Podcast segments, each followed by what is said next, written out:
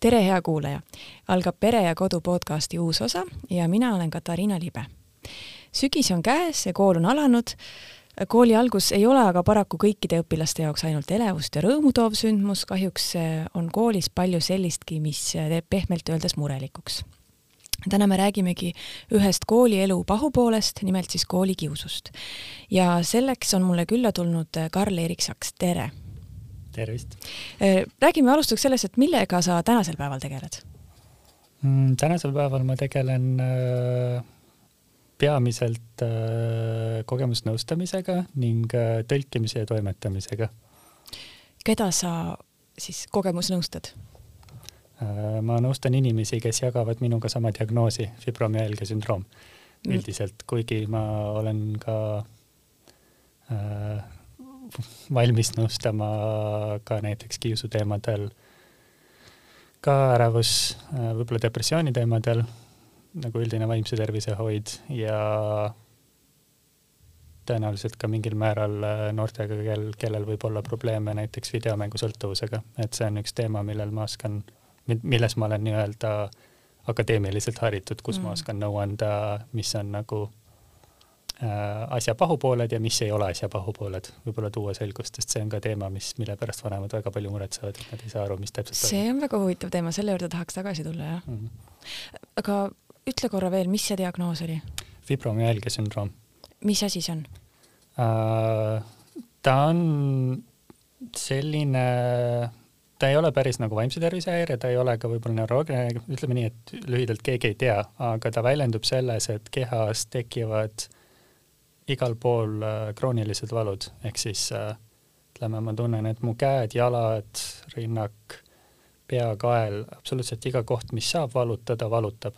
ja ta ei ole nagu selline loogiline valu ka, et ta ei järgne millelegi, ta on niisugune tunne, nagu oleks üle keha trenni teinud või ma ei tea, rullaut-, selle, mis see on, rull, rullsõiduki alla jäänud või midagi või keegi on nagu keha kokku võtnud ja selle muljunud, et nagu igalt poolt annab tunda, aga ta tal ei ole niisugust loogilist järeldust, et sa tegid trenni või et sa jäid kuskile vahele, vaid ta lihtsalt hakkab valutama ja jääb valutama ja justkui nagu keha saadaks igalt poolt selliseid signaale ajule, et, et siit või sealt on valus, kuigi tegelikult midagi ei ole viga.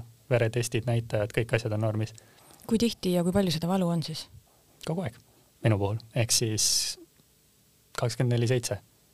ega ongi keha on nagu kange või krampis või tuim, seda on nagu raske seletada ka, sest et ta ei lähe niisuguse traditsionaalse valu alla ka. et kui üldiselt on näiteks kaht tüüpi valu, et üks on see närvivalu ja siis teine on vist nagu lihasvalu, kui ma nüüd õieti mäletan, õieti mäletan. et äh, ta kuidagi jääb nagu niisuguseks kolmandaks hõljuvaks valuks, et näiteks minu jaoks on hea tuua näide, et kui minna sooja duši alla, siis tavalised valud kaovad sellega näiteks ära mm. -hmm. et sa tunned, et saab leevendust või nagu massaažiga aga selle nii-öelda fibrovaluga ta nagu kuidagi jääb nagu hõljuma keha kohale, mis ongi kõige sürreaalsem sellega, et ta justkui nagu lihtsalt on mm. -hmm. ja mingit ravi sellele siis ei ole või? praegu teadaolevalt sajaprotsendist ravi ei ole jah, sellele on leevendusi kindlasti äh,, on asju, mida saab ette võtta, aga ravi ei ole. ja õnneks ta ei ole surmav ega ka nii-öelda degenereeruv, ehk siis ta üldiselt ei tohiks minna elu jooksul hullemaks mm. -hmm. sa ütlesid, et on ka vaimse tervise pro probleem, kas siis selles mõttes, et et arusaadavalt see hakkab vaimsele tervisele, kui sa kogu aeg tunned mingit fantoomvalu? ma just mõtlesin, fantoomvalu on väga hea äh, viis, kuidas kirjeldada, võib-olla see ongi hästi sarnane sellele mm.. et, et kui inimestele öeldakse fantoomvalu on see, kui näiteks on käest jäänud ilma, aga ta tunneb nagu neid närve niimoodi, siis tegelikult iseenesest see on päris hea kirjeldus ka sellele, et mu justkui nagu üle keha olekski fantoomvalud aga ei, ta kindlasti hakkab vaimsele tervisele, sest et fibromüalgiaga mitte ainult valud on see põhiline asi, põhjendamatud, seletamatud ülekehavalud. aga tema nii-öelda väga tihedasteks äh, kaassümptomiteks on unehäired, äh, selline krooniline väsimus ja ka keskendumishäired. et kui keha kogu aeg valutab, sest noh, uni on ilmselgelt rikutud, hästi õrn et seetõttu ka näiteks ma ise olen väga pikalt olnud juba unerohtude peal, sest et need on ainus moodus, kuidas ma saan äh, rahulikult välja puhata.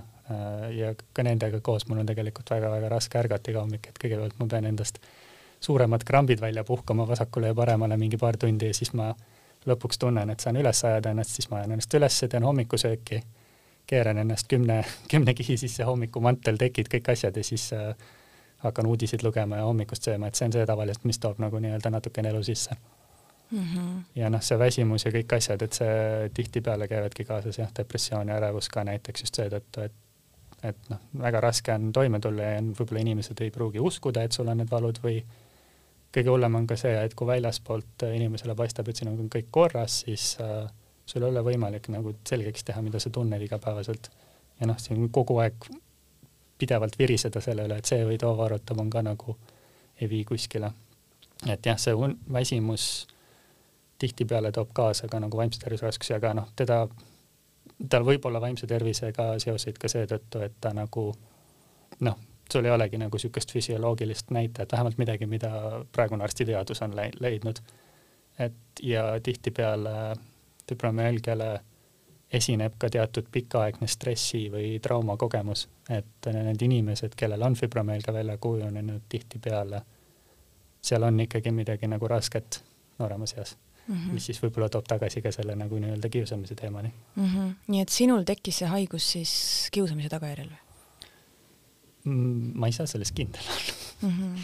et see ongi see kõige naljakam asi, et, et äh, mul üks arst ütles, et see oleks mul nagu välja kujunenud, äh, noh, sellel võib olla ka geneetiline faktor, kuigi ma ei tea, et mul peres nagu kellelgi fibromüalgiat kui sellist on, kroonilisi valusid küll, mingi hüpermobiilsus ja nii edasi, aga no ma mõtlen selle peale, mul on nagu kaks võimalikku sisendit sellele ja, ja kumbki neist ei pruugi kindel olla, üks võib olla nagu füsioloogiline sest et mul oli gümnaasiumi ajal oli ka nii-öelda surmakogemus, et ma äh,, see on võib-olla natuke morbiidne teema, aga ma minestasin basseinis, kui ma tegin trenni ja siis äh, äh, ma uppusin ja mind üritati elustada ja nad panid mind äh, pärast elustamist, nad ei saanud hakkama sellega alguses, nad panid mind üheksaks päevaks kooma, kuni ma sain nagu välja tulla, ehk siis äh, Äh, mul on nagu keha üle elanud äh, nii sellise tugeva füüsilise trauma, mida ma ise ei mäleta, sest et ma olin teadvuseta, kui ka nagu niisugune nagu pikemaaegne võib-olla vaimne või psühholoogiline stress äh, noorest east peale. et, et need mõlemad faktorid võivad äh, nagu olla selle nii-öelda nende fantoomvalude esilekutsujaks mm. -hmm. enne kui me selle kiusu teemani jõuame, ma pean küsima ikkagi selle, selle surmalähedase mm -hmm. kogemuse kohta, et see on mm -hmm. ikkagi sellise kogemusega inimesi iga päev ei kohta mm. -mm. et kuidas sa siis sealt koomast ärkasid rahulikult et see ongi kõige naljakam, et ma ei, ma, ma kusjuures, noh, ma olen õppinud filosoofiat äh, ja siis meil oli isegi üks aine teaduse surm äh, bakalaureuse ajal, kus me arutasime inimesi, kellel on olnud surmalähedased kogemused äh, nii keskajal kui ka, või nagu kehavälised kogemused nii keskajal kui ka uusajal ja siis ma mäletan, et seal äh, ma kirjutasin oma essee ja selle essee lõpu, lõpupoint oli see, et nagu kõik need inimesed nägid mingeid tunneleid ja valgeid asju mm -hmm. ja kogesid välja ja siis ma mõtlesin, et nagu mida ma valesti tegin. sa ei näinud tunnelit või ma ei näinud tunnelit, sellepärast et ma olin teadvusetu. et, et ma minestasingi lihtsalt äh, väga vales kohas basseinis. et äh, ma olin tol hetkel teadvusetu ja ma ärkasin üles, äh, mul oli niisugune tunne, nagu ma oleksin äh, väga rahulikult välja puhanud ennast, ma hakkasin mõtlema, et, et järelikult on nädalavahetus, peaks hakkama õppima ja siis teen silmad lahti ja vaatan, et ees on nagu, et, et ees on äh, äh, õde, kes hästi naeratava näoga ütleb tervist, et sa oled äh, üheksa päeva koomas olnud, siis ma olen nagu, et mis juhtus, ta ütles, et aa, et sa uppusid, mille peale ma ütlesin, et aga ma olen ju hea ujuja. aga sa seda basseini minekut mäletad üldse või seda eelnevat ei, ei mäleta, mäleta.? mul oli ka mingil määral nagu lühiajaline amneesia, et see koomas olek jätab äh, ajule ikkagi omad jäljed, mul äh, selles mõttes arstid ütlesid, et mu aju taastus sellest väga hästi, aga ta kindlasti jätab ka nagu niisuguse tugeva helje. ja mulle endale ei meeldi seda tegelikult väga fibromüalgiaga seostada, sellepärast et mulle mm, mulle käis natukene see närvidele, et, et iga arst, kelle juures ma käisin teste ja siukseid asju tegemas, ütlesid näiteks mu, kui ma tegin koormustesti, et see on ka see, et mul nagu koormusteste ajal on kõik okei okay,, aga kui pärast, kui puhkeolekusse lähen, siis pulss viskab üles ja niimoodi ja siis arstid ütlesid selle peale, et see ei ole normaalne. aga arvestades seda, mida sa oled üle elanud, siis tõenäoliselt on see sellega seotud. et arstid ütlesid, et me ei oska öelda, mis sul viga on, me ei oska su valude kohta midagi öelda, aga kuna sa olid nii-öelda surmakogemuses ja koomas, siis see on äh, sada protsenti tõenäoliselt sellega seotud. ehk siis noh, see järeldus loogiliselt ei vii mitte kuskile, nad mm -hmm. ei hakka isegi otsima seda lähedasemat põhjust, nad lihtsalt järeldavad, et kuna mul on see nagu raske kogemus olnud, et siis see on sellega seotud mm. -hmm. et oleks lihtsam, kui arstid sellest ei teaks ja et siis nad otsiksid põhjuseid edasi. siis nad otsiksid rohkem põhjuseid, et see ongi see, et kui ma käisin äh, reumatoloogi juures, kes konkreetselt äh, tol hetkel õppis ja tegeles fibromeelgiga, kes praegu kahjuks juhib Viljandi haiglat, et tal väga ei ole aega sellega enam tegeleda et tema ütles, et mul oleks see välja kujunenud ka ilma selle kogemuseta, see oli esimene kord, kui ma tundsin natuke ka kergendust mm. -hmm. et äh, ja hakkasin nagu natuke vaatama selle peale, et kas seal võib olla ka teisi faktoreid, sest et tihtipeale räägitakse nagu ikkagi posttraumaatilisest stressist, traumadest, püsi, püsipingetest ja sellistest asjadest ja ma hakkasin nagu mõtlema, et, et et nagu varasest arenguetapist peale selline ka nagu emotsionaalne pinge ja stress kindlasti võib selles nagu väljenduda mm. -hmm. ja see on siis seotud selle koolikiusuga, jah? See stress ja? ma arvaks küll jah, et, et kodune elu mul oli tegelikult hästi rahulik. kuidas ja millal see kius hakkas siis? see on kõige naljakam asi on see, et ma tegelikult ise väga ei mäleta neid kiusukogemusi enam, sest et see on nagu ka mõistust nii-öelda mingil määral surub alla, aga ma arvan, et ta peamiselt algab sellega, et et ma läksin aasta varem, läksin lasteaeda ja kooli ja, ja siis ma olin nagu, esiteks ma olin aasta võrra maas teistest vanuselt, ma olin noorem, aga ma olen nagu ka selline natukene õrnema kehaehitusega, füüsilise kehaehitusega mees, ma olen nagu, see on nagu geneetiliselt normaalne, et peres on ka kõik sellised, aga noh, ta teeb hästi sellise ja noh, hästi nagu sihuke tundlik ja õrn ka veidi. et see nagu tegi hästi kerge siukse nagu äh, märgi, sihtmärgi minust, aga ehk siis ta algas peale tõenäoliselt sellest ajast, kui ma olin kaheaastane, mis on nagu raske ette kujutada minu jaoks, et kaheaastaselt inimese nagu vaimne areng on alles nii nagu varases etapis, et kui sellest hetkest peale sa pead hakkama nagu kodunt väljas oma nii-öelda enda eest väljas seisma või nagu tegelema sellega, et sind välistatakse gruppidest. ja et see võib olla hästi nagu keeruline, ma mõtlengi, et minu jaoks, kui see nagu füüsiline nii-öelda see surmakogemus välja jätta, siis minu jaoks see tekitaks palju loogilisema suhte, et mul on nagu varasest east peale lihtsalt mind kooli ja lasteaiakeskkonnas jäeti gruppidest välja või niimoodi. mitte, et mul sõpru ei oleks olnud, mul oli sõpru ka, et selles mõttes nagu kõige hullem ei olnud. aga lihtsalt ma mõtlen, et see nagu väga varajases arenguetapis inimesele kuidagi jätab väga tugevad jäljed kindlasti mm -hmm., sihuke stressirohke elu milles see kius äh, koolis seisnes? ma arvan, et see on umbes sama asi kõik, kõik ongi see, et ta ei olnudki nagu, kui ma mõtlen, et ta ei saanud nii hull olla, siis ongi see, et noh, ta ei, ta ei läinud selliseks nagu löömiseks või peksmiseks. ta pigem jäigi siuksele nagu psühholoogilisele võõrandamise sellise nagu alandamise tasemele.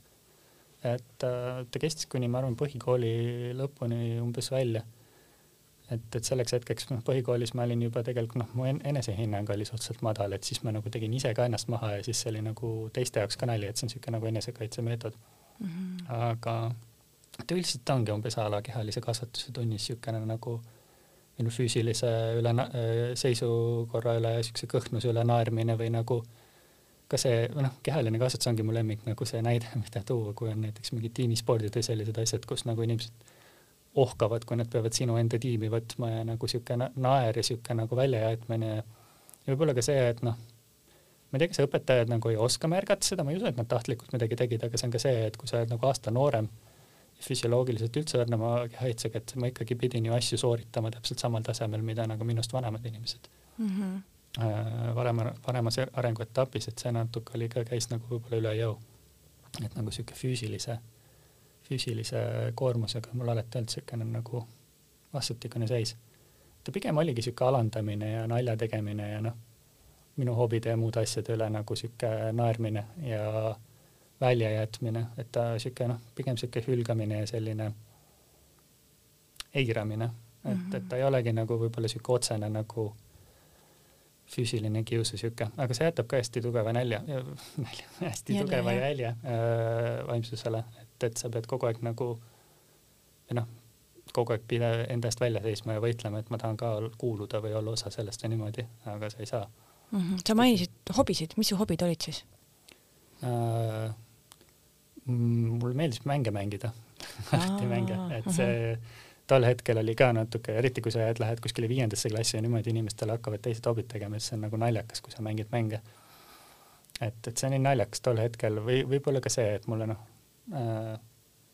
jah, see võib-olla lähebki siukse mingi nohikluse kultuuriga äh, kokku, aga ma ütlengi, et tänapäeval see võib-olla ei ole enam nii stigmatiseeritud, tol hetkel see oli siukene nagu noh, ütleme, et ta oli labane, ta oli asi, mille üle sai nalja teha mm. -hmm no muidugi see kehaline kasvatus on minu jaoks täiesti omaette teema, et ma olen ka ise selle peale palju mõelnud, et see on tegelikult absurdne, et, et ka meil pandi spordipäeva lõpus pandi siis kõik järjest niimoodi seisma, mina alati seisin seal rivi lõpus viimasena. noh, tol hetkel võib-olla tüdrukutel on see nagu lihtsam, sest et tüdrukutele võib-olla see füüsiline saavutus ei ole nagu kõige olulisem, aga tõesti ka meil oli see meeskondadesse valimine ja noh, ega tegelikult see kõige meeldivam tunne ei olnud seal viimasena mm. seista. et seal tekib küll küsimus nagu tänapäeval nendele kehalise kasvatuse õpetajatele, et miks sellist asja tehakse. aga teised ei tahtnud ka mind enda tiimi, et nagu nende jaoks oli see ka stressirohke onju. Et ma mõtlen noh, kuidagi kui sa, kui sa oled mingi viienda või kuuenda klassi õpilane, siis sa ei oska nagu küsida enda eest välja seista ka, et ma nagu praegu mõtlen, ma oleks väga hea meelega üksinda korvpalli visanud näiteks selle asemel, et teistega jalgpalli mängida tiimis, et ma ei mm -hmm. tahtnud jalgpalli mängida, mulle ei meeldinud jalgpall, mulle ei meeldinud ka rahvastepall mm. -hmm. korvpall oleks mulle palju huvitavam olnud, aga nagu seda võimalust, et ma saaksin omaette midagi teha, seda ei antud, ma pidin kaasa osa võtma sellest nii-öelda nagu häbistamisest mm, -hmm. sellest rituaalist jah, see on, see on väga kummaline, seda ma väga loodan, et kehalise kasvatuse see, see kultuur koolis hakkab ükskord muutuma, et, et see ei ole noh, ja sealt tekibki inimestele äh, plokk stress või spordi osas siis terveks eluks, et, et noh, sport on ju tegelikult tore ja meeldiv asi, et miks, miks teda serveeritakse nii ebameeldivas kastmes koolis? noh, ja eriti kuna ma olen hästi sihuke kõhn, kõhna kehaehitusega ja lihasmassi on vähe, siis eks no ikka tuleb kogu aeg seda, et sa pead trennis käima, sa pead trenni tegema, ei tohi nii palju arvutiga mängida niimoodi edasi ja nii edasi, aga nagu see kõik ei olene sellest. selles mõttes mul tegelikult see gümnaasiumis see nii-öelda äh, upumiskogemus oli minu jaoks ka natuke sihuke pääsetee, sest et esiteks ma sain lõpuks öelda õpetajatele, et ma olen õrnem, ma olen läbi elanud trauma ja ma mm -hmm. praegu ei tohi füüsiliselt pingutada mm. -hmm. eriti kui mul südamearst, kardioloog ütles, et ma, et, et, et ma ei tohiks nagu Mm, noh, mingit jõusaali siukest asja teha, et, et ma, mulle on ainult lubatud see, et sihuke trenn nagu jalutamine ja ma ei tea, venitused ja siis ma ütlesin, et ah, lõpuks mm, -hmm. lõpuks keegi ütles mulle, et ma saan midagi rahulikult võtta. et see mm -hmm. natuke oli ka võib-olla selliseks nagu muutepunktiks. Äh, aga kas sa oled nüüd hiljem pärast keskkooli või põhikooli äh, kohtunud nende inimestega? inimestega, ma saan aru, et otseselt siis nagu kiusajad ei saagi öelda, siis nagu tõrjujad pigem või? Ma ütlen ka, ma ei tea, kui palju nad ise nagu sellega sümpatreerisid, mul on ka see probleem, et kuna mul endal on nagu suhteliselt halb mälujälg sellest, sest et mu nagu aju on reaalselt ära blokeerinud selle. et ma ei tea jah, noh, ma ise ka ei kutsuks kiusajateks neid, nad on lihtsalt lapsed. ja see ongi mm -hmm. see, et, et need on, tegemist ongi lastega, nendel on ka normaalne siukest nagu, nad tahavad ka kuuluvustunnet ja üheks selleks kuuluvustunde saavutajaks on ju äh, mingite klikkide ja gruppide moodustamine ja teiste välistamine, kes on erinevad mm. -hmm. et mhm. nagu ma ei saa ka süüdistada inimesi ja ma arvan, et enamik neist on täitsa asjalikeks inimesteks kasvanud. ma ei tea, kas ma olen, minu jaoks, kuhu see kohtumispunkt jääb, on sellega, et ma näen pea igapäevaselt äh, lihtsalt unes seda, et ma olen tagasi koolis ja ma pean millegipärast nagu et mind millegipärast tõrjutakse ja kiusatakse jälle, kuigi tänapäeval unenäo sisu on selline, et esiteks ma mõtlen, et miks ma koolis olen, mul on kolm kõrgharidust. ja siis ma mõtlen, et ju siis ma pean siin olema ja siis, kui inimesed hakkavad mind nagu alandama või nagu tõrjuma või nagu mulle ülekohut tekitama, siis ma seisan enda eest välja ja ütlen, et ei, mul on fibromüalgia, minuga ei tohi nii teha. ma olen puudega inimene ja mul tuleb lasta rahulikult olla, et ma nagu võitlen välja võitlen enda eest, aga see on jah, nagu sürreaalne, et mul on siiamaani igapäevane unenägude teema on lihtsalt selle trauma või stressiga jälle tegemine, tegelemine, et ta on jätnud nagu väga-väga sügava jälje vaimsusele. kas sa oled teraapiast ka abi otsinud? jah, et mul see käib, noh, üldiselt kiusu, kiusu puhul teraapia ongi väga-väga tähtis osa, sest et ma arvan, kiusamisega on see, et sellega kaasneb tihti ka nagu madal enesehinnang ja selline enesesüüdistamine oli niisugune natuke selline ohvrimeelsus mu enda puhul ka, et äh, igal juhul teraapia aitab just seetõttu, et ta aitab ka natuke kontrollida sinu enda nagu hoiakuid ja nagu suundumisi selles osas, et, et millised sinu tuumuskumused näiteks on kasulikud ja millised on vähem kasulikud mm. -hmm. et minu puhul ka näiteks võib-olla üheks selleks tuumuskumuseks on jäänud see, et, et ma nagu olen nõrk, et ma pean kogu aeg välja tunnistama, et või noh, ma pean kogu aeg tõestama, et ma olen tugev mm. -hmm. et see on ka see nagu niisugune nagu võib-olla mitte väga kasulik äh, harjumus, sest et seetõttu ma kipun ka ennast nagu üle koormama ja üle töötama. natuke sihuke eestlaslik, eestlaslik selline töökultuur mm. -hmm. kui ma parasjagu mingit tööd või midagi ei tee, siis ma olen kasutav jah, ma arvan, et nii tunnevad väga paljud inimesed mm. -hmm. jah, aga nagu ma aru saan, siis sa ei, sa kuidagi vimma ei pea, siis sa oled andestanud nendele või? Ma ei tea, aga ma, ma arvan, et ma andestasin juba või noh, see ongi nii naljakas, et ega ma tol hetkel ka võib-olla ei näinud probleemina, ma võib-olla naeran emaga koos seda, et ma, mul endal võib-olla niisugust nagu suuremat teisme, niisugust teisme ja niisugust hormonaaltungi ei olnud, et ma jäin suhteliselt rahulikuks ja niisuguseks nagu ma ei tea, kahe jalaga maa peal inimeseks. ja siis ma, ma, ema räägib, et kui ma olin seitsmendas klassis, ma tulin koju ja ütlesin, et ma ei jõua juba oodata, kui need klassivennad või klassikaaslased nagu suureks kasvavad mm. -hmm. et ma nagu, ma tol hetkel ka ei pidanud iseenesest vimma ja nagu sa alguses siin selle podcast'i alguses ütlesid ka, et lastele tekitab koolimine stressi, see ongi nii naljakas, et ma tegelikult olen nagu seesmiselt hästi sihuke sotsiaalne ekstrovertne inimene ja vaatamata sellele, et kooliga käis kaasas väga palju stressi, ebameeldivaid emotsioone, siis ma tahtsin alati kooli tagasi minna hmm. suvel, et september minu jaoks oli kergem. ma tean, et väga paljude inimeste jaoks on see hästi suur ärevuse ja nagu meetod, et seal on mingi nagu selline hoiaklik äh, vahe sees minu puhul, see on võib-olla ka see, mis on aidanud mul nagu nii hästi võib-olla välja tulla või nii palju, palju paremini toime tulla sellega ongi see, et mul kodune elu oli hästi soe.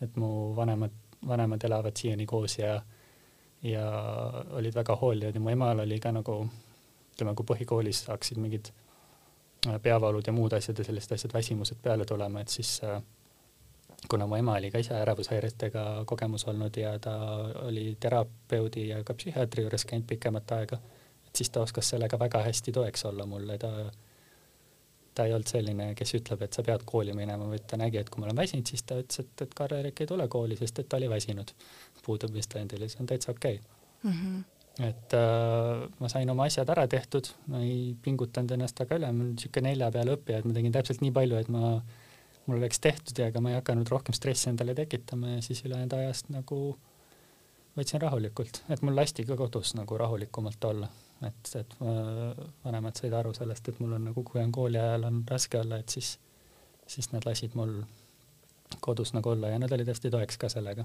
ja mm. hoolivad, et see nagu hoolivus ja soe nagu koduelu on see, mis on minule nagu tõenäoliselt hoiakut pannud selliseks ka ise nagu hoolivamaks ja soojaks ja selliseks nagu andnud mulle võib-olla pääseda kõige hullemast.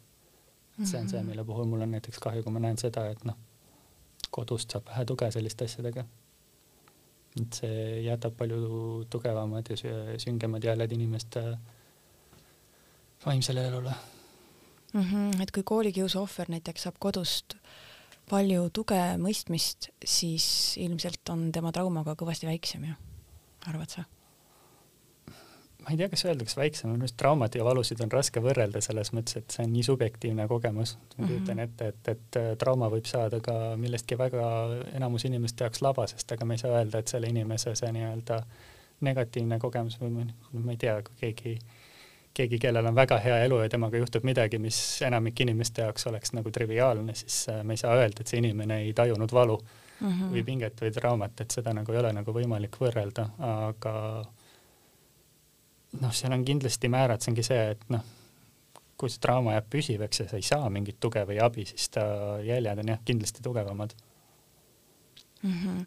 no sa ütlesid, et jah, et sa te teiste õpilaste peale nagu vimma ei pea, aga kas sa nagu nüüd täiskasvanulikumalt tagasi vaadates ja analüüsides näed, et mida oleks võinud näiteks õpetaja teisiti teha või mis võiks süsteemis olla teistmoodi? Ei teagi, ma arvan, et see on ka see, et nagu võib-olla füüsilist kiusamist on õpetajatel kergem mär märgata, et sellist nagu psühholoogilist või vaimset eristamist, niisugust asja, aga õpetajad ei näegi seda, sest et nad on tegelikult suhteliselt väikse osa ajast nagu õpilastega koos ja nemad suhtuvad õpilastesse nii, nagu nad ise tahavad. vahepeal tundsin, ma tundsin ka nagu paari õpetaja poolt niisugust nagu natukene sellist nagu vimma.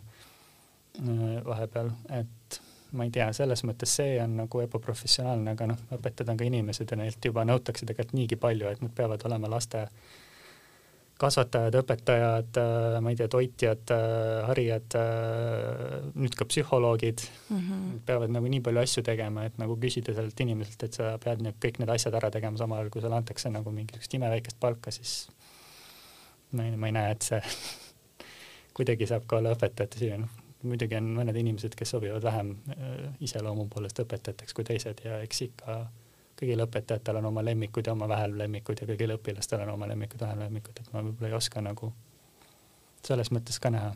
kindlasti aitab see nagu tähele või noh, empaatiavõime ja sihuke nagu tähelepanu panemine sihukestele äh, võib-olla tunnisisestele konfliktioludele, kui keegi ütleb midagi naljakat ja niimoodi, et siis seda nagu ei tasu nagu tunnustada või kuidagi kaasa, et õpetajad ise ei tohiks tegelikult lapsi kiusata, et, et päris tihti on ju ka nagu kiusamise emotsionaalseid probleeme sellest, kui õpetajad on midagi öelnud või nagu õpilase välja toonud klassi ees, et äh, see on ka omaette probleem, et õpetajad ei tohiks nagu sellist käitumist mm, kaasa aidata või nagu ise mhm. alustada aga kuidas sa toetaksid või aitaksid, äh, ma saan aru, et sa oled ka kogemusnõustajana seda teinud, et äh, mõnda last, kes siis äh, on kiusu kogenud? ma veel praegu kogemusnõustajana tegelikult ei ole nõustanud nii-öelda kiusamise teemal inimesi, üldiselt minu juurde jõuavad inimesed, kes on sama diagnoosiga fibromüalgiaga ja seal on nagu neid probleeme ja neid raamistumuideid võivad olla nagu väga erineva-loomulised et, et sellega ma arvan, et niisuguse nagu kiusamisteemaga tegelikult kõige parem noh, mida kogemusnõustaja saab teha, on jagada omaenda kogemust ja näidata, kuidas ta on üle saanud probleemist. aga no ma arvan, et üldiselt äh, suuremat kiusu ja selliste teemadega tegelemine võiks jääda terapeudi hoolde, et mm -hmm. psühholoogid, terapeudid on need inimesed, kes on selleks treeninud ja ja väljaõppe teinud, et äh, need on need inimesed, kes oskavad neid nii-öelda hoiakuid ja mõtteviise hoida, no kindlasti ma saan kaasa aidata, aga tihtipeale ma tunnen, et kui teema läheb a la hoiakute ja mõtteviiside ja traumadega tegelemiseks, siis ma ütlen inimesele, et see ei ole minu valdkond ja see ei ole midagi, millega ma oma kogemuse põhjal võib-olla saaksin jagada nõuandeid, et, et ma kindlasti soovitan otsida terapeut, kellega leida hea suhe ja kui ei leia seda head suhet terapeudiga, siis minna ja proovida uuesti, sest et äh, eks terapeutidega on ka tihtipeale see, et sa pead leidma endale õige inimese, kellega on niisugune hea emotsionaalne klapp mm. -hmm. üks saatekülaline kunagi rääkis mulle siin, et tema otsis omale terapeuti, kas oli vist isegi mitu aastat või, et mm, -hmm. et siit siis julgustus, et kui esimene, teine ega kolmas ei sobi, siis ei tasu veel alla anda mul on üks vanem klient, kes on äh, otsinud abi fibromüalgiaga juba viimased nelikümmend aastat ja ah. nüüd ta lõpuks on jõudnud heade arstideni, nii et äh, on võimalik äh, pikalt elada ja mitte vastu panna, aga noh, see ongi hästi raske on tegelikult äh,, no ravimitega on sama asi äh, vaimse tervise juures, et, et enamik-ravimitel on äh, mustmiljon äh, kõrvaltoimet ja see, mis on ühe inimese nii-öelda põhitoime, on teise inimese kõrvaltoime erinevate arstidel on nagu erinevad soositud asjad ja need kombinatsioonid ja kõik asjad, et, et nendega tihtipeale on nagu rasked kogemused, et äh, ma arvan, et kui nagu probleem on suur, siis ikkagi tasub otsida uuesti ja uuesti seni, kuni leida see hea sidu-, sidusus, sest et nii, niipea kui sul on õige inimene, siis see nagu vahe on, on meeletu äh,, kui palju abi sealt on võimalik saada. just see mõtteviiside, mõttemustrite muutmine just ka see tugi, et kellegagi rääkida omaenda kogemusest äh, nii, nagu sa ise räägid ja siis see inimene saab peegeldada sulle neid tundeid või et mis tema näeb, mis on võib-olla nagu normaalsem, mis mitte mm. -hmm. ja siis sa ei ole enam üksi sellega? siis sa ei ole enam üksi, et see rääkimine on hästi tähtis, aga noh, selle rääkimiseni paljude inimeste juures saamine või tol nagu jõudmine on ka väga suur probleem mm. -hmm. no väga lihtne on tegelikult äh, pealinnas, ma saan aru, sina oled Tartus, oled Tartust uh, -huh. jah, pealinnas või Tartus öelda, et aga mine siis äh, psühholoogi juurde või mine psühhiaatri juurde, et aga tegelikult igal pool ei ole see nii kättesaadav. see on ja. üks asi, aga teine asi on ka raha. jah, ja see on ka üks suur probleem, mida nähtakse, on see, et, et kõik räägivad õpetajate palkadest, mitte keegi ei räägi psühholoogide palkadest, psühholoogi keskmine palk on oluliselt madalam, kui on õpetaja palk see emotsionaalne töö, mida nad teevad oma päeva jooksul, on suur ja äh, see nii-öelda Äh, see töö kogus ka peale tööd kokkuvõtted perearstidele, muud asjad, kõik see nii-öelda tööväline aeg võtab ka väga suure tüki ja sul ei ole ka nii-öelda ütleme niimoodi, nagu arstidel on võib-olla haigekassa süsteem, mis teeb selle asja nagu noh, ta on küll bürokraatlik, bürokraatlik, aga ta teeb selle asja oluliselt mugavamaks.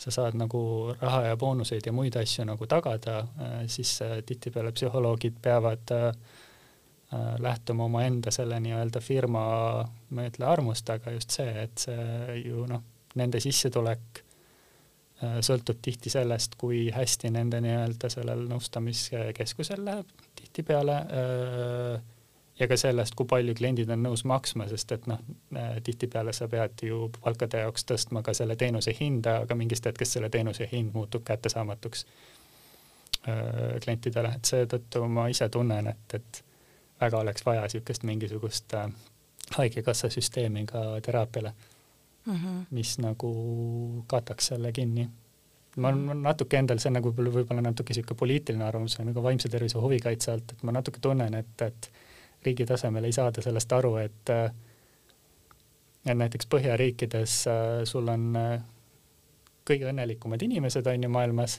aga seal on ühtlasi ka kõige suurem määr vaimse tervise häireid ja siis ma mõtlen, et, et nagu inimesed võiksid sellest aru saada, et see ei tähenda, et inimesed on nagu rohkem depressioonis või midagi, see lihtsalt kaardistatakse paremini ära ja mm -hmm. seal tunnustatakse ja tegeletakse nende probleemidega, mistõttu inimesed on seetõttu õnnelikumad.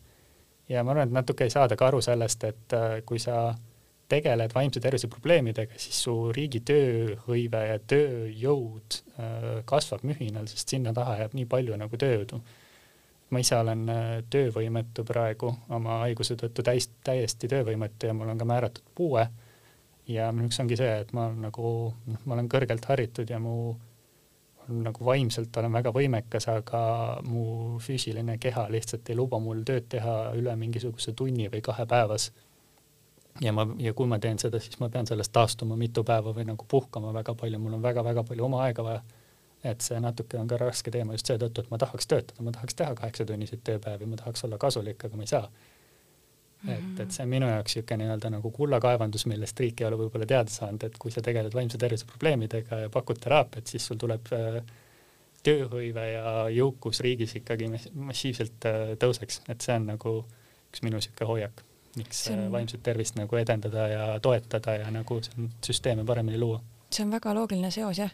minu hüpotees selle koha pealt on ka see, et, et miks inimesed pöörduvad nii palju posijate või siis nii-öelda imeravitsejate poole, ongi see, et tegelikult on neil vaimse tervise probleemid, noh, kas siis nüüd just väga sügavad probleemid, võib-olla mingi väike ärevus mm -hmm., võib-olla lihtsalt oleks vaja natuke kellegagi rääkida, aga perearstilt ju seda tuge ei saa, aga samas nagu vaimse tervise spetsialistid on veidi ja need probleemid on stigmatiseeritud, nendega nagu kusagile pöörduda ei julgeta. Nad on ka analüütilisemad ja see on ka see asi, et noh, vaimse tervise spetsialistidelt nõutakse väga palju empaatiavõimet, aga tihtipeale miks nii-öelda imeravi mõjub paremini sellepärast, et seal on tugevam emotsionaalne side, need mm -hmm. inimesed ütlevad, mina oskan sinu probleemi sajaprotsendiliselt ära ravida, et see on, mis öeldakse ka fibromüalgia puhul on see väga hea näide, et kui sul on niisugune asi, mida nagu tead, sul ei tohiks olla ühtegi arsti, kes ütleb, et ma oskan sajaprotsendiliselt fibromüalgiaga midagi ette võtta, sest sul lihtsalt ei ole seda teaduslikku tausta, sul ei ole mm -hmm. seda teadmist sul on palju asju, mida sa soovitad ja proovida, aga nagu öelda, et ma oskan selle sulle ära ravida, no see on lihtsalt võimatu lubadus ja kui sa kuuled nagu inimeste käest seda, siis on tõenäoliselt tegemist mingisuguse imeraviga, onju. aga noh, see on see nii-öelda platseebo ja positiivse empaatilise suhte tekitamine aitab tegelikult päris palju ka, et kui sa ütled inimesele, et mina teen su terveks ja sa saadki terveks, kui tal on väiksem ärevusprobleem, ju siis see nagu aitabki teda positiivsemalt jah, seda küll, aga ma natuke kardan, et need lihtsad lahendused otseteed võivad anda tagasilööke. Kindlasti, et seal on vahe sees, et kas inimene pakub sulle massaaži, mis teeb sind tervemaks või ta pakub sulle mürki, on ju, et noh, seal on see kindlasti asi sees, et ma ise olen öelnud, et noh, tihtipeale, kui sa ise tunned, et sa inimesele, et kui sa tunned, et sa saad sealt nagu vaimse tervisega abi, siis äh, jumala eest mine ja pöördu ja tee ja lase ennast ravida, sest et äh, see on ka üks võimalus, teine asi on see, et kui me nagu sa näed ise kõrvalt, et see inimene käib seal aastaid ja kulutab oma raha, aga tal probleemid ei lähe ära, aga ta ise usub, et lähevad, siis ta on natuke nagu narkootikumi tegemine, et sa otsid seda nagu esimest, seda nii-öelda mm -hmm. kõrgpunkti või sul jääb nagu see uskumus, et ta aitab, tegelikult ta ei aita, onju. et äh, ja mul on nagu füsioteraapiast on väga hea näide kõrval äh, sellest emotsionaalsusest ka, et, et sul on nagu äh, et seal on hästi suur vahe sees teraapias, et kas sulle meeldib see inimene või mitte, et kui sul on füsioterapeut, kes sulle meeldib ja ta teeb sulle massaaži ja see on valus, siis sa näed, et seal on abi, onju, ja sa, sa võib-olla tunned, et sellest on kasu, kui sulle see füsioterapeut ei meeldi ja ta teeb sulle massaaži ja see on valus, siis sa näed, et ta tegi su elu halvemaks mm. -hmm. väga loogiline jah. jah, ja, mm -hmm. ma arvan, et noh, näiteks äh, noh, vaimse tervise spetsialistidega on sama asi, et, et, et kas ta leiab sinuga selle hea sideme või selle empaatilise tunda, et kõigil, igal teraapial on see nagu emotsionaalne side hästi tähtis ja see on see ka, mida nii-öelda imeravi pakub. on see emotsionaalne side, kus on inimesed, kes lubavad sulle maa ja taeva ja see tihtipeale nagu teeb asju paremaks. kui sul on see emotsionaalne boost, mida sul on vaja mm. -hmm. ma küsiks, tuleks veel tagasi selle kiusamise teema juurde, küsiks viimase küsimuse enne siis videomängudest rääkimist mm. -hmm. et kui meid nüüd kuulab mõni lapsevanem, kes äh, teab, et tema lapsel on probleem kiusamisega koolis, et mis on need sammud, mis ta võiks astuda, kuhu ta võiks pöörduda mm.? esialgu kuulata oma lapsele ma arvan, et see on hästi tähtis, on usaldus. Äh, kuulata ja usaldada ja uskuda oma last ja tegelikult natuke see nõuab ka taktitunnet, sest et ma ise tean seda, et, et kui sa lähed lihtsalt oma kiusajate või nende vanemate või õpetajatega tegelema, see ei pruugi tihti asja paremaks teha mm. -hmm. minu puhul ka, et kui sul läheb isa mingi, ma ei tea, kiusaja vanemaga rääkima, siis sa, ma ei tea, kitukas või midagi onju see, seda kiusu võib nagu hullemaks ajada, et äh, meil on selleks noh, asutused on muidugi Kiva kiusamisvaba kool äh, ja kõik asjad, et ja terapeudid tegelevad kiusamisega ka päris tihti, et, et kindlasti kaaluda psühholoogi juurde minekut, ka koolipsühholoogid tegelevad selle teemaga. vaadata, kui, et ja proovida neid võimalusi. et äh, teraapia kindlasti aitab äh,. see nõuab nagu rääkimist ja võib-olla nagu sihuke tervislikumat vaadet enda väärtuste teiste kohta et noh, kindlasti toetada ja olla soe oma lapse vastu ja mitte kinnistada neid kiusamisväärtusi, vaid tuua positiivseid külgi välja, ma arvan mm. -hmm. ega ma midagi muud ei oskagi öelda. aga siis Kivat öö, mm -hmm. alt tasub edasi uurida, jah? et neil on ehk siis mingit sellist know-how'd või? ma ei saa sajaprotsendiliselt öelda, aga ta on asutusorganisatsioon, mis üritab äh, äh, tegeleda kiusamisega Eesti koolides, nii et neil kindlasti on, ma arvan, mingisugune kontaktnumber, kus saab äh, uurida abi otsida mm. -hmm. kindlasti ka nõuandeid kodulehel, et ma usun, et see on võimalik mm. -hmm. nii, aga lähme nüüd videomängude juurde. et äh, kuidas sina siis praegu nagu tegeled sellega või kuidas sa nõustad või aitad selles osas ähm,? see on ka see huvitav, et mul ei ole, mul on nagu paar nõustamisseanssi olnud, aga üldiselt ta jääb siukse minu jaoks nagu hobi alla, et äh, ma tutvusin nendega väga varasest east, ka umbes kahe-kolmeaastasest ja, ja see pakkus mulle huvi ja ta tegelikult aitas mul ka nagu maailma kohta rohkem õppida, ma õppisin hästi varakult lugema ja just seetõttu, et mul ja ka inglise keelt, et mul oli vaja aru saada, mis seal toimub ja ta õpetab nagu loogilist mõtlemist ja nagu mehaanilist käitumist aga ta andis mulle ka tegelikult kooli ajal, kui ma nagu koolis äh, olin kiusatud niimoodi, siis nagu kui kuskil teismees internet äh, hakkas levima, et siis ma sain leida mängude, internetimängude abil äh, inimesi, kellega rääkida inglise keeles, kes ei hinnanud mind kui mm -hmm. nii nagu minu klassikaaslased nägid mind kui teist inimest, nad ei näinud minus vanust ega äh, sugu ega mitte midagi, nad äh, lihtsalt kohtasid nagu inimest, ta aitas mul nagu isiklikult nagu anda niisuguse platvormi, kus õppida inimestega sotsialiseeruma, rääkima ja normaalselt ja leida oma kogukond ühiste hobide ja huvidega. ta pakkus nagu kooliväliselt selle nii-öelda kogukonna. seal on muidugi need ohud, et noh, sa ei saa garanteerida, kas need inimesed on turvalised, kas need kogukonnad on tervislikud ja et ka seal, noh, ka nendes kogukondades võib kiusamist esineda aga noh, mulle isiklikult ta aitas väga palju. Ja ta jäi mul selleks nagu siukseks toimetuleku hobiks väga pikalt, et ka praegusel ajal mulle meeldib noh, arvutist seetõttu, et ta, ta võtab tähelepanu nii hästi ära mu valudelt, et kui mul on mm. igapäevaselt kroonilised valud, siis äh, mingi mängu mängimine, seda ta võtab selle tähelepanu nii palju endale, et ma parasjagu ei tunne neid valusid, ta on niisugune nagu toimetulekumehhanism. eks see muidugi nõuab ka igapäevaselt niisugust kontrollimist, ma noh selles mõttes ma käin igapäevaselt väljas jalutamas, mul on koer, kellega jalutada, kes mm -hmm. ka kusjuures loomad aitavad väga vaimse tervise häiretega, ma arvan, et ka kiusamise vastu, kui see on hästi tähtis, kui on koer, keda saab Mhm. kaisutada mm. -hmm. ja väljas käia, et see kõik nagu on mind isiklikult aidanud ja siis ma oma magistritöö tegin ka videomängude teemal ja ma nagu näengi ennast ühes osas sellise nagu videomänguteadlasena äh,, uurijana ja sealt ma näen ka nagu väga palju teadustöid ja uurimusi, mis näitavad, et tal on teraapias väga head efektid, aga tal on ka nagu väga palju pahukülgi.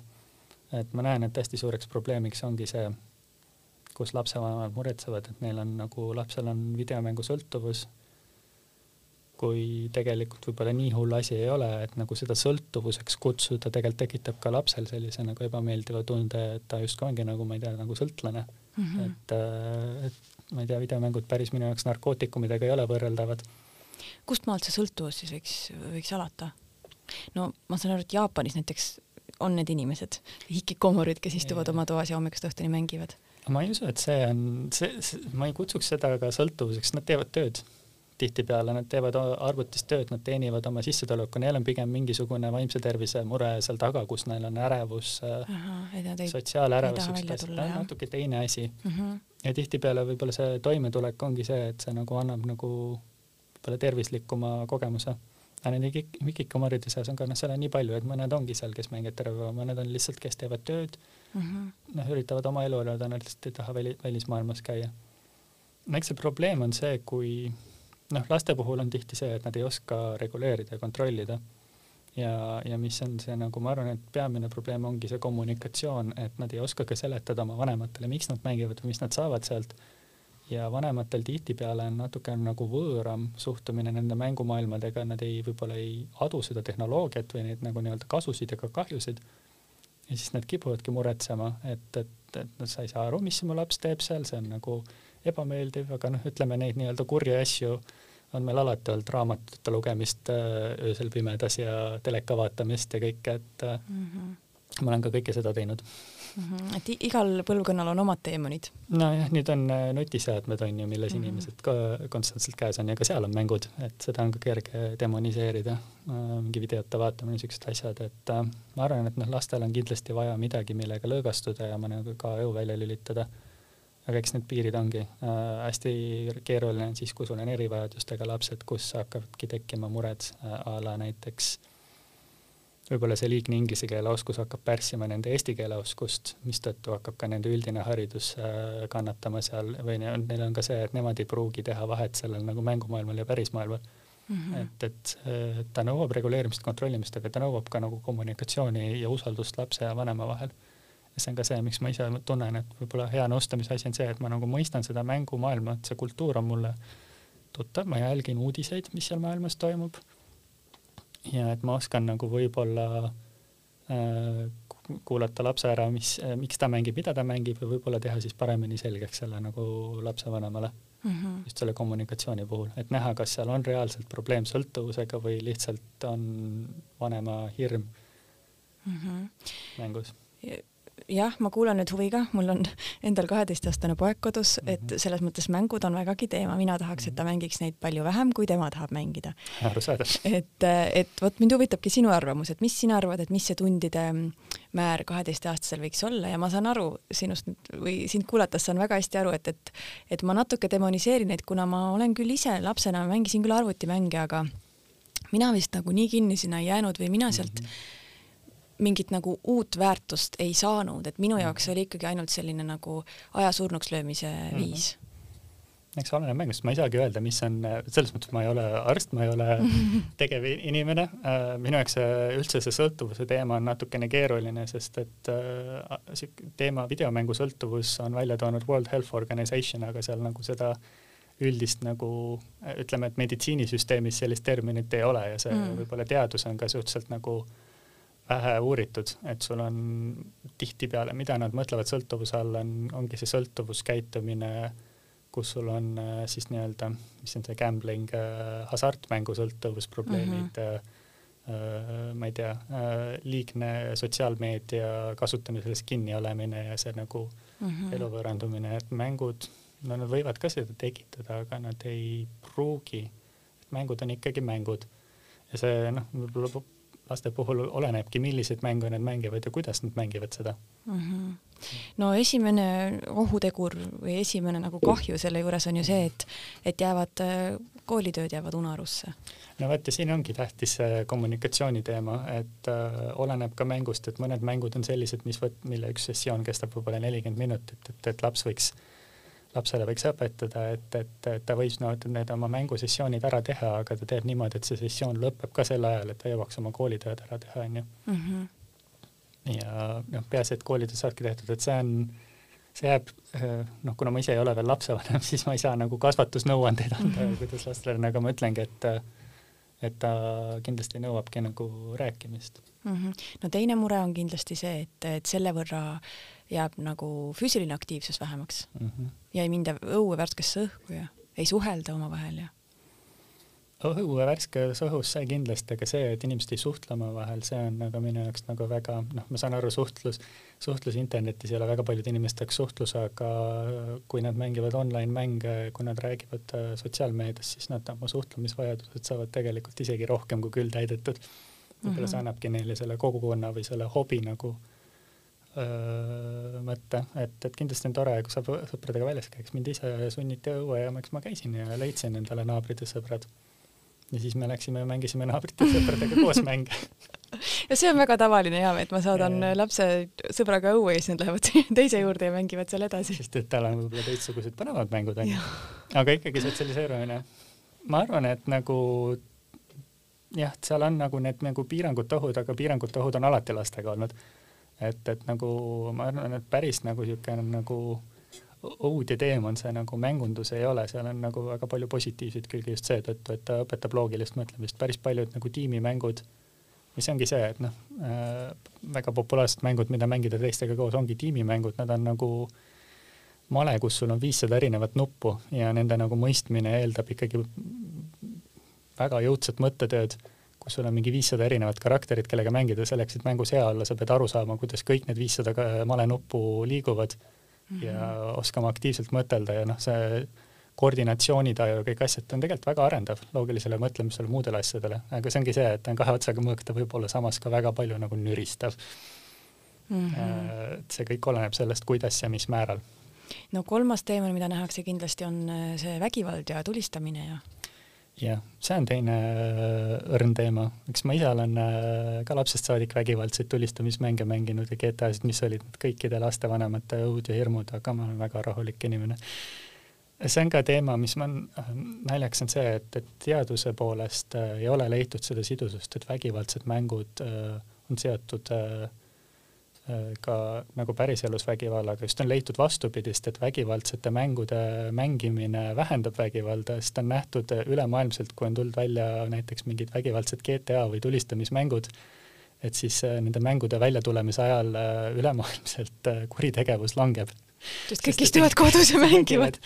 ja võib-olla nad saavad seal oma nii-öelda nagu impulsid ja asjad välja elada, et vägivaldsete mängudega on see, et noh, see on nagu vägivaldse filmi või võib-olla nagu ma ei tea, jalgpalli või muude asjade mängimisega, et sa, enamik inimesed saavad aru, mis vahe on mängul ja elul ja mm -hmm. mängu point ongi see, et sa saad nagu fantaasial lasta lennata ja kui seal tulistamine, siuksed asjad on, eks see on natukene ka nii-öelda mängude see nii-öelda Hollywoodi järgimine, et tulistamine ja sõda ja siuksed asjad, kuna Hollywoodis see väga teeb teemat, siis see mängud võtsid kaasa, aga noh, palju mänge, mis ei tegele võib-olla nii palju vägivaldsusega, et sul on noh, Minecraft, mis on väga populaarne, kus sul okei okay,, sul on vibud ja loomad ja mingid zombid seal, aga no ütleme, niisugust nagu reaalset äh, verist tulistamist, niisugust asja on sealt väga raske välja leida, et, et noh -hmm,, ta on rohkem niisugune abstraktsem vägivald, niisugune fantaasia. seevastu Fortnite jälle on vägivaldne ju jaa, aga Fortnite'is nii palju, kui ma tean, siis mingisugust suurt verd ja sellist ei ole, ta on lihtsalt mm, -hmm. ta on, ta on, ta teeb umbes sama välja, mida, mis äh, minna, kunagi oli see siin kuskil samas kesklinnas oli see mingi laseri äh, aa, laser game. laser game või mingi, ma ei mäleta, mis selle nimi oli. ja siis on veel ju paintball. kõik käisid, äh, kõik käisid äh, sünnipäevasid mm -hmm. pidamas seal, et ta teeb umbes sama välja, see, keegi ei saa nendest mängudest liiga, võib-olla emotsionaalselt, kui sa sõimad neid seal uh, -huh. aga nagu füüsiliselt ei saa ja kõik saavad aru, et see on mäng, seal on reeglid ja see ongi see nagu võib-olla mängu vahe, et mulle meeldibki mänguteadusest, kui ma nüüd võin veel, kui on aega tuua üks väga hea mhm. -huh. näide sellele, mis äh, mänguteadlased toovad, et mängu sisu on väga loogiline, nagu ütleme, trips-traps-trull on mäng, on ju, ta ei ole väga põnev mäng, aga ta on mäng. me saame selle trips-traps-trulli oluliselt nagu vägivaldsemaks keerata sellega, et me muudame need nagu ma ei tea, ristida kõik asjad mingisuguseks sõdalasteks ja siis ülevõit on nagu mingisugune kõige grotesksem mingisugune mõrvastseen üldse, onju.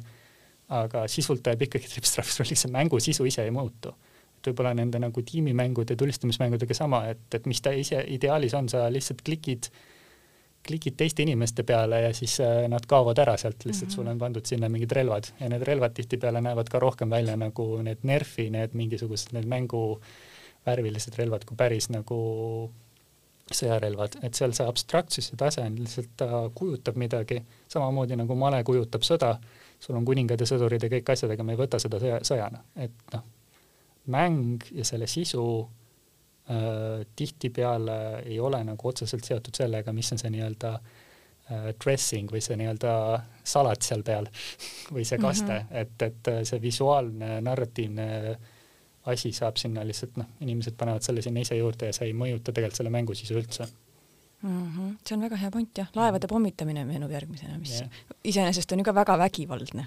kaheksakümnendatel oli väga suur poleemika Suurbritannias, kus oli niisugune arcade kabinet, mis olid suured niisugused kabinetid, kus on nagu ainult üks mäng ja siis mäng oli Death Race, kus see kabineti peal oli mingi luukere ja ja mingisugused äh, autod sõitvates inimestest üle sõitmas, nagu väga groteskne niisugune visuaal oli ja see mäng ise oli nagu must taust ja siis sul oli mingi valge ristike, mis sõidab üle valgetest täppidest ta oli nagu nii lihtne, et kui sa selle nagu kabineti sealt ära võtaks, siis sa lihtsalt sõidad mingi ristiga täpikestest üle, aga kuna see kabinet oli seal juures ja Defrace oli pandud -hmm. siis idee oli see, et see valge rist on auto ja sa sõidad inimestest üle.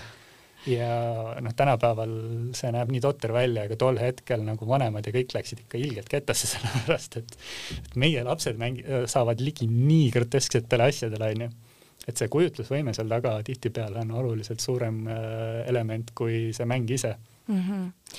nii et sina seal ohtu ei näe, kui laps oma kujutlusvõimes käib need vägivaldsed mängud nagu läbi? et, et, et oleneb, kuidas vaimset tervist ennast mõjutab.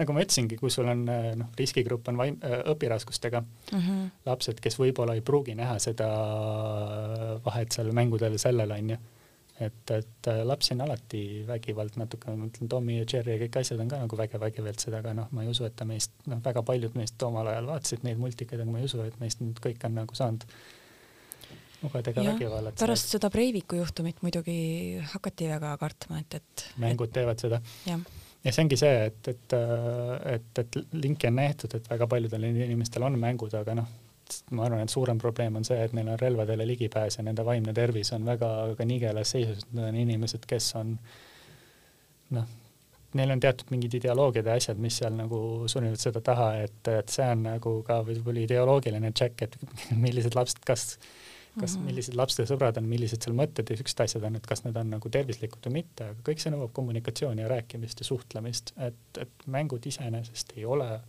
ohtlikud nii palju inimesi mängib mänge. ta on üks suuremaid tööstuseid praegu üldse, ta on suurem kui muusika- ja filmitööstus kokku.